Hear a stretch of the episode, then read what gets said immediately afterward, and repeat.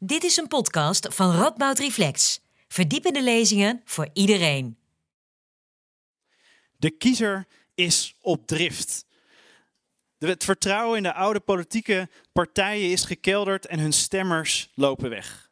Maar ondertussen zijn er nieuwkomers, twee nieuwkomers, die het ontzettend goed doen in de peilingen. Ik heb het natuurlijk over Nieuw Sociaal Contract en de Boer-Burgerbeweging. Wat verklaart hun electorale succes, of in ieder geval hun gepelde succes? Welkom op deze, Radboud, op deze actualiteitencollege van, de, eh, van Radboud Reflex. Um, we gaan over deze vraag, over dat plotse electorale succes van deze nieuwkomers, praten met twee experts. Maar voordat ik hen aan jullie voorstel, gaan we eerst luisteren naar een column van Amerikanist Peter van der Heijden. Geef hem een hartelijk applaus.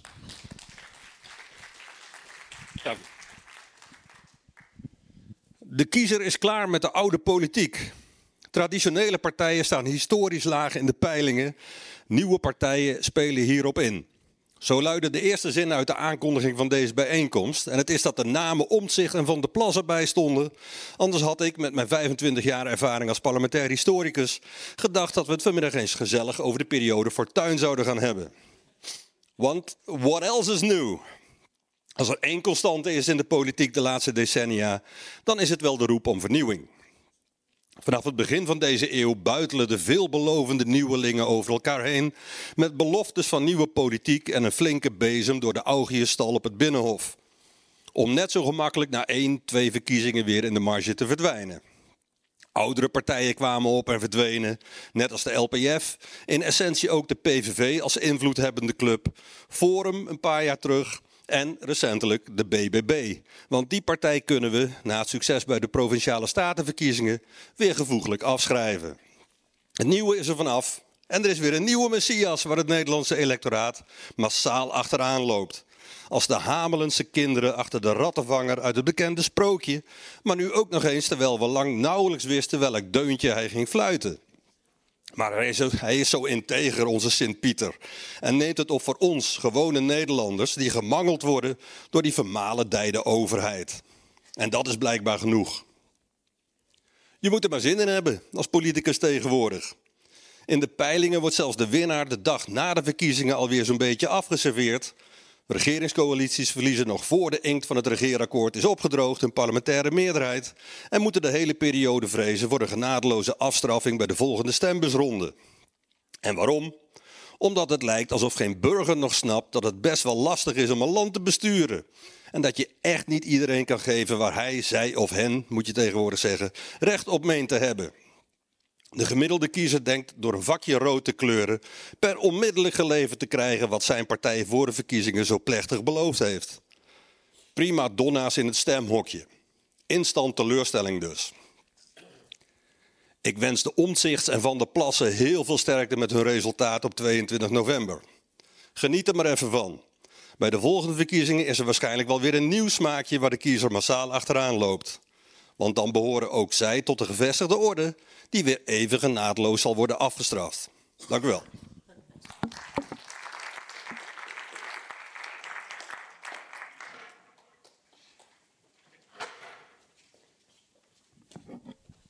Bedankt uh, voor deze column over Sint-Pieter, Sint-Peter. Um, ik uh, zal de sprekers introduceren. Hier naast mij staat Naomi Woltering. Zij is politiek historicus aan de Radboud Universiteit. En hoopt, moet ik dan zeggen, hoopt binnenkort te promoveren op een proefschrift over de opkomst van het neoliberalisme in Nederland. De tweede spreker is Roderick Rekker. Hij is politicoloog en psycholoog. Uh, en hij doet onderzoek naar het stemgedrag van verschillende uh, generaties. Uh, ik ben Adriaan Duivenman, ik modereer dit programma en ik ben programmamaker bij Radboud Reflex. In de eerste 20 minuten uh, ga ik hen vragen stellen. Daarna is het ruimte voor al uw vragen. Dus als u een brandende vraag heeft, hou hem nog even in en dan komt hij straks aan bod. Um, om te beginnen, jullie, als vanuit jullie beroep en vanuit jullie vakgebied volgen jullie politiek. Dus dit hebben jullie natuurlijk ook bekeken, de laatste peilingen. Wat zien we hier volgens jullie? Mag ik bij jou beginnen, Naomi? Ja, wat mij opvalt is dat um, VVD, uh, GroenLinks PvdA en uh, uh, NSC um, redelijk gelijk aan kop gaan. PvdA GroenLinks, GroenLinks PvdA iets lager. Ehm, en wat mij verder opviel bij de, in ieder geval de vorige peilingen... Nee, bij deze, eh, ik heb even opgeteld hoe groot uh, de linkse partijen waren als je ze samen optelt. En dan kwam je onder de 50 uit. Mm um, en uh, dat is wel anders dan bij de vorige verkiezingen. Uh, dus links wordt kleiner. Uh, en dan heb je D66 er zo nog meegerekend. En dan heb ik D66 en Denk meegerekend. En Volt, ja. Denk, wacht even, Denk ook als linkse partij? Ja. Oké. Okay. Want uh, misschien is het trouwens handiger. Ik heb ook eentje met de percentages. We hebben hier geen monitor helaas, dus ik zit een beetje raar omhoog te kijken. Excuus daarvoor. Uh, maar hier zien we inderdaad de, de bovenste. Roderick, wat, wat zijn dingen die jou verder opvallen? Uh, nou ja, wat, wat Naomi zegt is inderdaad echt ook heel erg opvallend als je dat in historisch perspectief bekijkt. Dus dat was mij ook opgevallen. Uh, ja, verder toch eigenlijk waar, waar de kom ook al over ging. Ja, ongelooflijk veel zetels voor nieuwe partijen. En het is inderdaad een proces dat al lang aan de gang is. Maar het lijkt zich wel steeds verder door te zetten. Bijvoorbeeld in de, in de jaren 60, toen was ik er nog niet, maar toen vonden mensen het echt ongekend dat D66 met ik geloof zeven zetels binnenkwam als een partij die voor het eerst meedeed. Vonden mensen echt onbestaanbaar. Uh, nou ja, in 2002 uh, Pim Fortuyn, uh, die met ik geloof twee, hoofd 22 zetels, weet je uit je hoofd, 22, 23? Nou ja, ja, 26 zetels. Nou ja. He, dus zoveel zetels voor een partij die voor het eerst meedoet. Nou ja, nu als je dus alle, alle nieuwe partijen nu bij elkaar optelt, uh, dus BBB en, uh, en Omtzigt, ja, dan, dan, dan kan je richting de 40 zetels gaan alweer.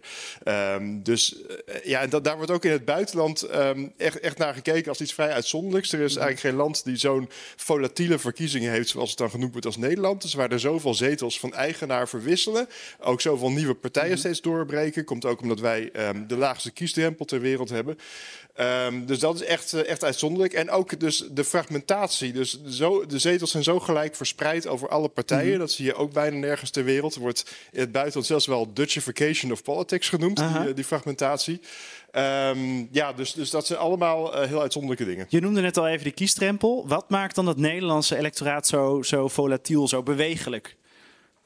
Um, ja, goede, goede vraag eigenlijk. Uh, ja, ik denk dat, dat, toch, dat we zoveel partijen hebben uh, wel een grote rol speelt. Uh, want mensen wisselen, wisselen vooral tussen partijen die heel dicht bij elkaar staan. Mm -hmm. Dus bijvoorbeeld van de Partij voor de Dieren naar GroenLinks of Volt met D66. Mm -hmm. en dat, ja, in, in, in de meeste andere landen heb je gewoon maar één partij die zo goed bij je opvattingen past als kiezer. Terwijl in Nederland heb je gewoon een heleboel partijen die dicht bij je staan. Gewoon omdat er zoveel partijen zijn.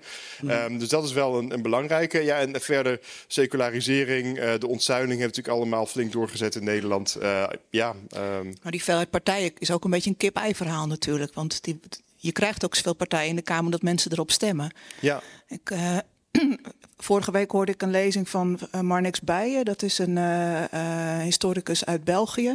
En die verklaarde het inderdaad ook aan de kiestrempel, wat Roderick ook zei. Maar had het ook over dat de uh, bestuurlijke oriëntatie van de grote partijen in Nederland. Mm -hmm. uh, dat, dat politiek heel vaak gaat over besturen. Um, dat dat een, een, verklaring zou kunnen zijn voor de opkomst van al die kleinere partijen waar mensen zich meer vertegenwoordigd voelen dan bij partijen die als ze eenmaal gekozen zijn toch vooral dat land willen besturen. En nu ga ik als uh, simpele historicus een hele domme vraag stellen. Um, bestuurlijke oriëntatie, waar zou een partij anders op georiënteerd moeten zijn dan besturen? Dat is toch een hele doel? Nee, je kan op verschillende dingen gericht zijn als politieke partij. En je hebt bijvoorbeeld die, de, de Nationale Politieke Index. Uh, en daar wordt een, uh, uh, de verschillende taken van volksvertegenwoordigers onderscheiden. Onders, onderscheiden, onderscheiden, onderscheiden, pardon. Ja. Um, en daar wordt dan onderscheid gemaakt tussen vertegenwoordigen. Dus je kan als politieke partij ook als doel hebben dat je wil vertegenwoordigen. wetgeving beïnvloeden. Um, en uh, nou ben ik de derde weer even kwijt die, ik, uh, die in die politieke index wordt genoemd. Uh, controleren natuurlijk. Mm -hmm. En ja, besturen zou je daar ook aan toe kunnen voegen. Maar dat is niet natuurlijk primair de taak van het parlement. Dat is de mm -hmm. taak van de regering. Dus in andere landen is er bijvoorbeeld meer nadruk op die controlerende functie van partijen? dat is die controlerende of die vertegenwoordigende, of dat wordt dan meer binnen één partij, uh, uh, worden die, die, die, die taken samengevat, okay. ook nog na de verkiezingen. Voordat we, we zijn nu eigenlijk al best wel op een abstract niveau en ik wil toch even terug naar die nieuwe partijen. Um, en laten we dan beginnen met dat nieuw sociaal contract. Um, welke kiezers trekt dat, Roderick? Wie zijn die mensen?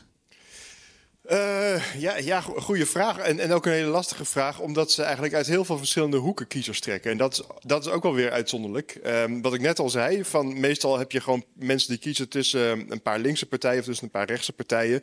Uh, dat lijkt voor om zich wat minder te gelden. Die lijkt wel echt stemmen te trekken van zowel linkse als rechtse kiezers, soms ook radicaal rechtse kiezers. Dus het komt een beetje overal vandaan. Um, en uh, ja, een, een, erg grote groep zijn natuurlijk toch wel de mensen die bij de vorige verkiezingen, Tweede Kamerverkiezingen, op het CDA hebben gestemd. Toen bij de provinciale verkiezingen BBB. En die nu naar, eh, naar omzicht gaan. Maar dat, dat is dan één grote groep. Maar daarnaast heb je dus allerlei kleinere groepjes van, ja, van GroenLinks tot D66 ehm, tot Volt komen ook gewoon kiezers naar omzicht toe.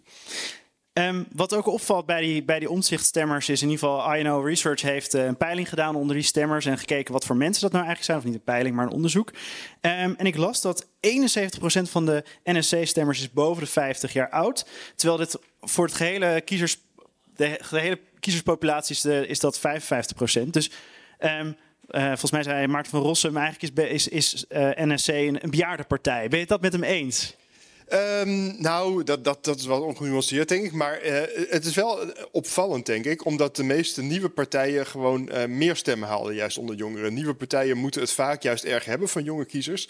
En zelfs partijen die nu een vrij vergrijsd electoraat hebben, zoals de PVV bijvoorbeeld, hadden bij hun eerste verkiezingen wel veel jonge kiezers. Mm -hmm. uh, en ja, hetzelfde geldt voor FVD. Dus wel te linker als de rechtse zijde. Um, nieuwe partijen doen het vaak goed bij jonge kiezers. Maar dat lijkt dus niet te gelden voor BBB en voor NSC. Dus dat is is opvallend. Uh, die hebben inderdaad een vrij vergrijsd electoraat. Als je kijkt naar de inhoud is het dan weer minder opvallend. Uh, omdat je wel ziet dat christendemocraten het gewoon juist minder goed doen onder jongeren. En het zijn, ja, met name Omtzet is toch een vrij christendemocratische partij. Um, dus uh, wat dat betreft valt het ook weer niet op. Naomi, zou je dat ook zo zeggen? Zou je het, is eigenlijk gewoon NSC niet een CDA en een nieuw jasje?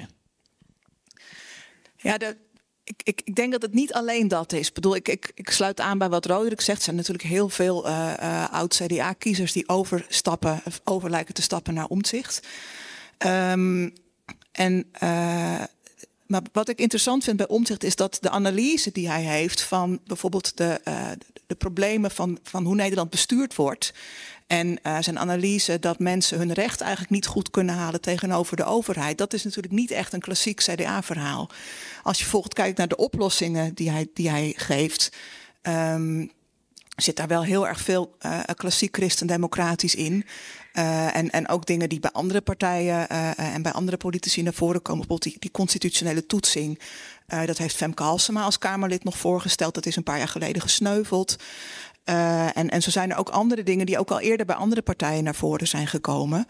Uh, de, de, bestaanszekerheid, waar, waar ook nadruk op legt, dat is een jaar of tien geleden door de Wiardi Beckman Stichting weer op de agenda gezet. En dus nu door allerlei adviesraden en andere partijen weer uh, op de agenda gezet ook. Um, dus daar zit niet per se heel erg veel nieuws in. Um, maar die, die nadruk op wat er allemaal misgaat in het overheidsbestuur, dat was geen klassiek CDA-verhaal. Um, en overigens is ook daar nog wel een. een uh, uh, er zijn meerdere voorbeelden van. Uh, die aandacht voor wat er misgaat in de uitvoering van het beleid. Uh, de parlementaire enquêtecommissie van begin jaren negentig over de uitvoering van de sociale zekerheid ging daar tot op zekere hoogte ook over. Alleen was het daar minder het geval dat burgers daar echt zo het slachtoffer van waren als bij de toeslagen. Nou, heeft... waar, ja, sorry. Oh, ja. Ja. waar ik nog wel een parallel zie, want ik ben het eens met wat je zegt, dat het een partij is die eigenlijk van heel veel stromingen wat standpunten heeft en daar soms moeilijk te plaatsen is. Het eigenlijk misschien een beetje in het midden staat. Uh, als je het gemiddelde neemt van al die standpunten. Uh, ik denk, een parallel daar zou ik zien met, met D66, die ook uh, in het midden stond, eigenlijk ideologisch, soms ook moeilijk te plaatsen was. maar wel hele radicale ideeën had, en met name in, in, woorden van, van we moeten het systeem van binnenuit op, opblazen, de cultuur mm -hmm. moet helemaal anders qua bestuur we gaan het helemaal anders doen. Dus ja, eigenlijk ja, een, een protestbeweging vanuit het politieke midden, zeg maar. Uh, ja, ik denk dat we dat sinds D66 eigenlijk niet meer op deze manier gezien hebben. Nee, nee dat, dat, dat, ik denk dat dat klopt. Um, uh, alleen de vraag is natuurlijk bij D66, die had echt best wel verregaande uh, voorstellen ook over die hervorming van de politieke cultuur. Ja, Omtzigt heeft er een paar, maar ik, ik vind het ook nog niet allemaal even concreet worden wat er nou precies moet gebeuren volgens hem. Ja. Uh, dus daar zie ik dan nog wel een verschil met D66. Ja, ja, ja.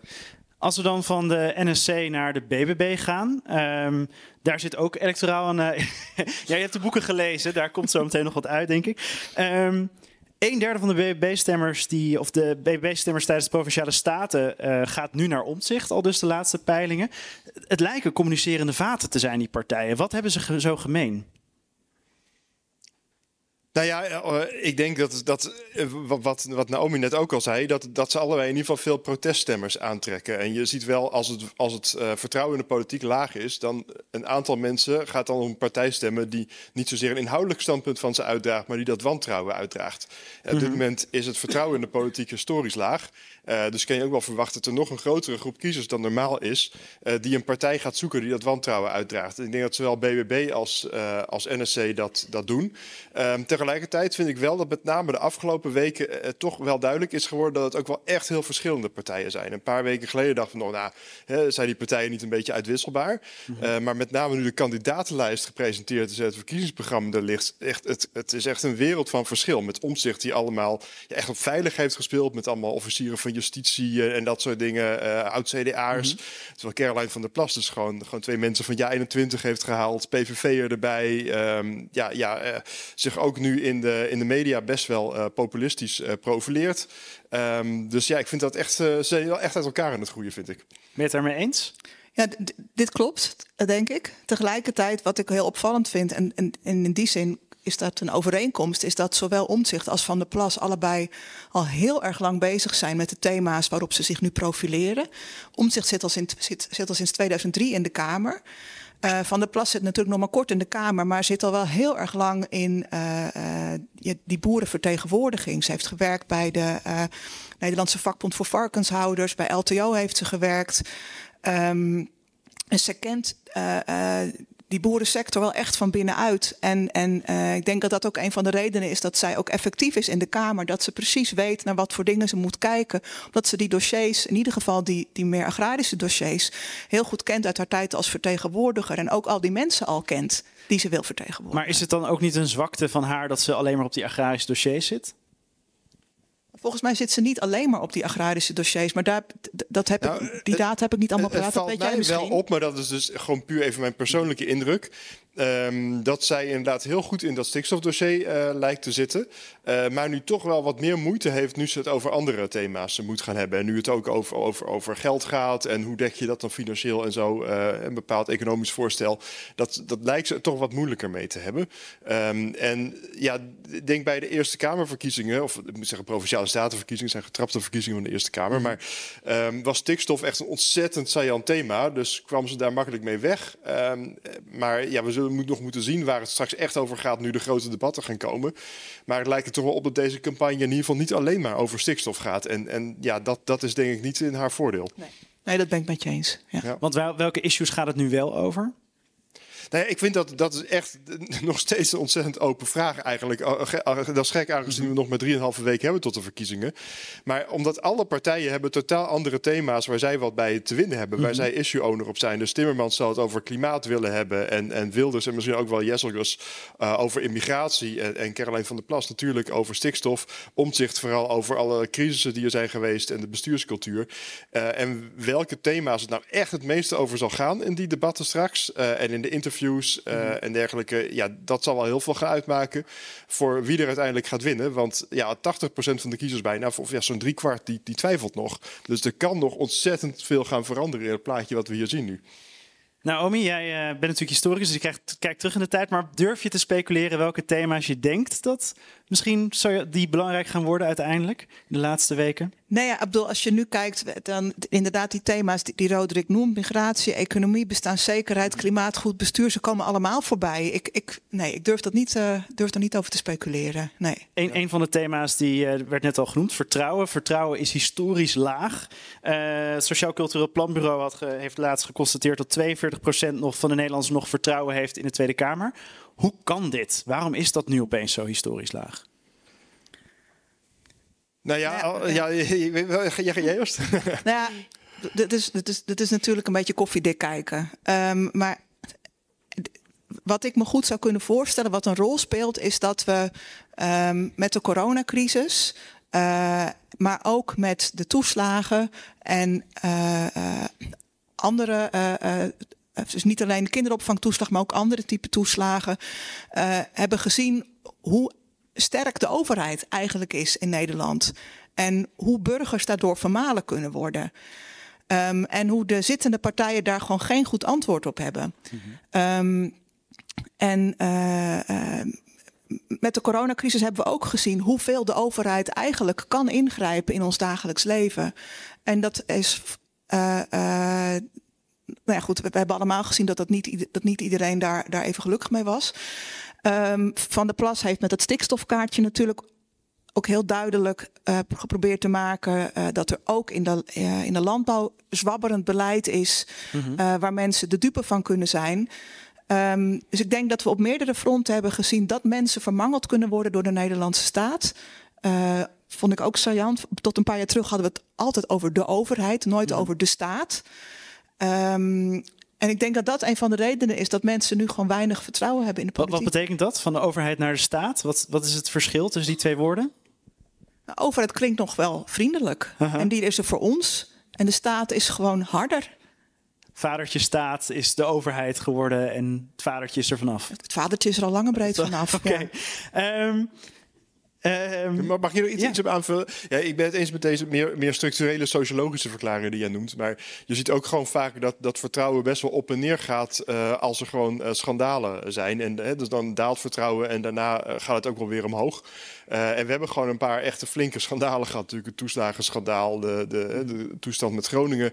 Um, en daarnaast hebben we nu een aantal problemen die echt als crisissen worden geformuleerd. Zoals de wooncrisis, klimaatcrisis en dergelijke. En tegelijkertijd denk ik dat er een beeld bestaat van een politiek die toch in zichzelf gekeerd is. Met een formatie die heel lang duurde. Uh, nu een kabinet dat weer valt. Um, dus het gevoel van er zijn, zijn crisissen, er zijn schandalen. En de politiek is niet bij machten om dat echt op te pakken. Ik denk dat dat een beetje het beeld is wat er leeft misschien. Mag ik er nog één ding op aanvullen? Want um, wat in mijn eigen promotieonderzoek wat mij opviel, is dat, er, uh, dat Nederland eigenlijk bestuurd wordt door een relatief kleine club die in een soort draaideur zit. Mm -hmm. En op het ene moment komt iemand naar buiten met zijn partijspeldje op, dan in toga, uh, wetenschappelijke toga, en dan weer met ambtelijke geloofsbrieven in de hand. En dat is iets wat je ook zag bij uh, die, die, onderzoeken naar bijvoorbeeld de toeslagen of, of andere, uh, een andere crisis. Dat telkens mensen benoemd werden dan in zo'n onderzoekscommissie. Uh, die bijvoorbeeld eerder dan een politieke positie mm -hmm. hadden gehad. Waardoor je ook het beeld krijgt van een, een, een kleine politieke groep die zichzelf controleert. En ik denk ook dat dat het wantrouwen versterkt. Dat je telkens dezelfde mensen ziet, een soort overheid die zijn eigen vlees keurt. En dat is iets dat zet omzicht op de kaart. Um, meer dan andere partijen.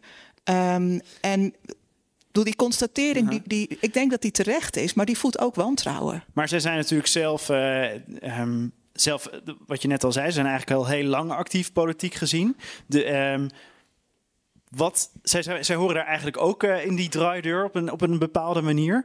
Wat maakt zij dan anders voor de stemmers? Wat, wat maakt hen dan anders? Waarom hebben ze wel vertrouwen in hen? Want schijnbaar hebben ze wel in die politici vertrouwen. Ja, een, een van de redenen, maar dat is misschien een beetje cynisch, is dat zij zelf nog niet die bestuurlijke verantwoordelijkheid op die manier hebben hoeven dragen. Uh, en dus ook vrijer kunnen spreken.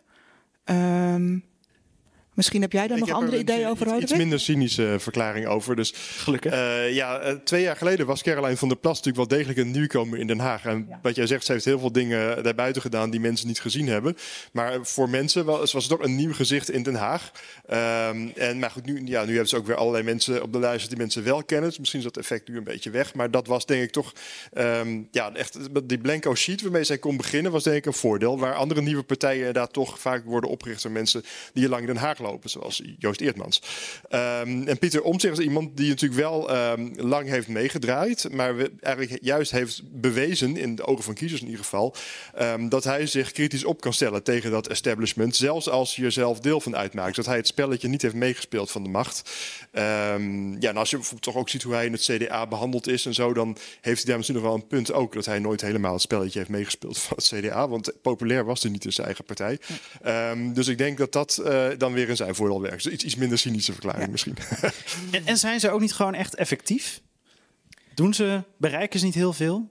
Nou ja, als je naar die nationale politieke index kijkt, die dus Kamerleden beoordeelt op wat ze doen aan controleren, uh, wetgeven en vertegenwoordigen, dan uh, staat Pieter Grinwis van de ChristenUnie op één, mm -hmm. uh, Van de Plas op twee en Omtzigt op drie. En dat zijn alle drie mensen die in ieder geval heel lang met die dossiers bezig zijn, al dan niet als gekozen politicus of politica. Um, maar ja, ze bereiken ook veel zeker. Um, nu zijn ze natuurlijk niet meer als individuele politici aan de gang, maar ze hebben een partij. Ze proberen uh, straks in een coalitie misschien wel te komen. Kunnen ze hun beloftes die ze nu maken waarmaken, denken jullie? Ik zie je lachen. Van Ja. waar, eh, Het is altijd compromissen sluiten natuurlijk in de Nederlandse politiek. En, en wat daarin acceptabel is, is, is, hangt ook af van of je echt hele pijnlijke compromissen sluit op je, op je kernonderwerpen. Of dat dat meevalt. Maar je moet altijd compromissen sluiten, want we hebben nooit absolute meerderheid. Ja, ik denk dat je ook wel, je stelt de vraag nu gelijk voor NSC en BBB. Ik denk, ja, zoals ik zei, die partijen zijn best wel uit elkaar gelopen de afgelopen weken. Eh, en dan zie ik wel dat, dat Pieter Omtzigt het, het, best wel klein houdt qua wat hij belooft. Het is bijna technocratisch soms, van ik ga dat en dat tarief aanpassen en die en die belasting schrijven. dus het is misschien dan meer dat dat niet misschien zozeer alles op gaat lossen zoals hij het doet voorkomen. Maar op zich dat tarief aanpassen, dat kan gewoon. En, en zo, zoveel dingen eh, zie je wel. Terwijl ja, Caroline van der Plas zegt toch wel dingen waarvan je je wel af kan vragen of het juridisch haalbaar is. Bijvoorbeeld kunnen we wel doorbouwen. Zeggen we kunnen gewoon doorbouwen met stikstof. Kan je gewoon een noodwet maken. Nou ja, ik ben geen jurist, maar ik heb er zo mijn twijfels over of dat kan. Ehm, en ja, ook, ook bepaalde maatregelen heeft. Ja, ze heeft, ze heeft geen financiële doorrekening van het programma. Dus we moeten ook maar zien of het, of het wel betaalbaar is. Ehm, ja, dus, dus Pieter Omtzigt, ik denk dat hij veel dingen kan realiseren. Hij heeft nu bijvoorbeeld al met, met die versobering van die expertregeling, heeft hij nu al met zijn motie wat bereikt. Veel dingen die hij heeft beloofd, heeft hij bijna nu al gerealiseerd. Maar dat zijn dus kleine, concrete dingen. En daar zal hij er wel veel van waarmaken, denk ik. Maar of dat dan ook echt voor een heel nieuwe bestuurscultuur gaat eh, zorgen, wat hij belooft, ja, dat is natuurlijk nog weer wat anders. Eh, Omtzigt heeft ook een disclaimer ingebouwd. Hij zegt, we gaan dit niet in vier jaar bereiken. Is dat slim? Want eh, Peter zei het al in zijn column. mensen willen gewoon dat het direct wordt opgelost. Eh, al die nerdige oplossingetjes, zitten mensen er wel op te wachten? Nou, ik vind het grappig om te zien dat hij eh, steeds aan verwachtingsmanagement doet. Ook al van eh, met hoeveel kandidaten die zou gaan komen ook al. En eh, of, of, of, of, eerst of, überhaupt wel met een partij gaat komen. Dus hij lijkt een beetje zijn, ja, te zijn van de verwachtingsmanagement op dit moment. En ja, daar komt hij ook mee weg. Ik bedoel, bij, als de VVD zou zeggen van ja, we weten ook niet of we het allemaal kunnen waarmaken. Dan zijn ze gewoon weg. Maar bij omzicht vinden mensen dat blijkbaar juist wel mooi als hij dat zegt. En tegelijk denk ik ook dat het reëel is. Ja, dat, ik denk dat het, eh, dat het politieke debat er ook van zou opknappen als meer partijen dat zouden doen. Ja. Ja. Ja. Gewoon eerlijk zijn. Een laatste vraag aan jullie en dan gaan we naar de zaal. Ehm, we hebben het nu de hele tijd over twee partijen. Maar er zijn natuurlijk allemaal andere partijen die hier ook in staan. Hoe moeten zij hierop reageren? Ehm, wat moeten zij hiermee met deze plotse opkomst? Wat is de les die ze eruit moeten trekken? Ik begin bij jou, Naomi. Ehm. nou ja, een, een les die mij opvalt is dus ehm, dat die expertise op een thema van je kandidaten wel echt loont. Als je kijkt naar, naar politieke partijen die, die de Kamer inkomen, soms dan kom je als, als nieuw Kamerlid, eh, krijg je een portefeuille waar je echt helemaal geen verstand van hebt. En dan duurt het gewoon lang voor je effectief bent. En ehm, dat betekent niet dat je dus alleen maar mensen moet aanstellen die eerst beleidsmedewerker geweest ben, zijn. Want dan eh, krijg je wat, wat, wat Van der Plas in haar boek eh, benoemt, dat, dat veel politieke partijen alleen maar mensen eh, op de lijsten bestaan die politicologie hebben gestudeerd en door de wasstraat van de partij zijn gegaan. Ehm, maar inhoudelijke expertise en kennis van een groep die je wil vertegenwoordigen is denk ik heel nuttig. Ja. Roderick? Ja, helemaal mee eens. Ik maak me ook wel zorgen over nu met het enorme verloop van Kamerleden nu. Eh, Dat in combinatie met dat Kamerleden in Nederland sowieso al weinig ondersteuning hebben. En dat dan nog in combinatie met het feit dat ze in kleinere fracties zitten, straks gemiddeld genomen. Ja, dat maakt dat het wel ontzettend lastig wordt eh, voor Kamerleden om goed hun werk te doen en, eh, en de, de thema's te beheersen. En uiteindelijk dus de macht te controleren. En ja, dat is natuurlijk juist waar het nu om gaat. Dank u wel voor uw komst. Elke twee weken doen we een actualiteitencollege. Hou onze website in de gaten, dan weet u wat het volgende thema wordt. Nogmaals dank en een fijne dag nog.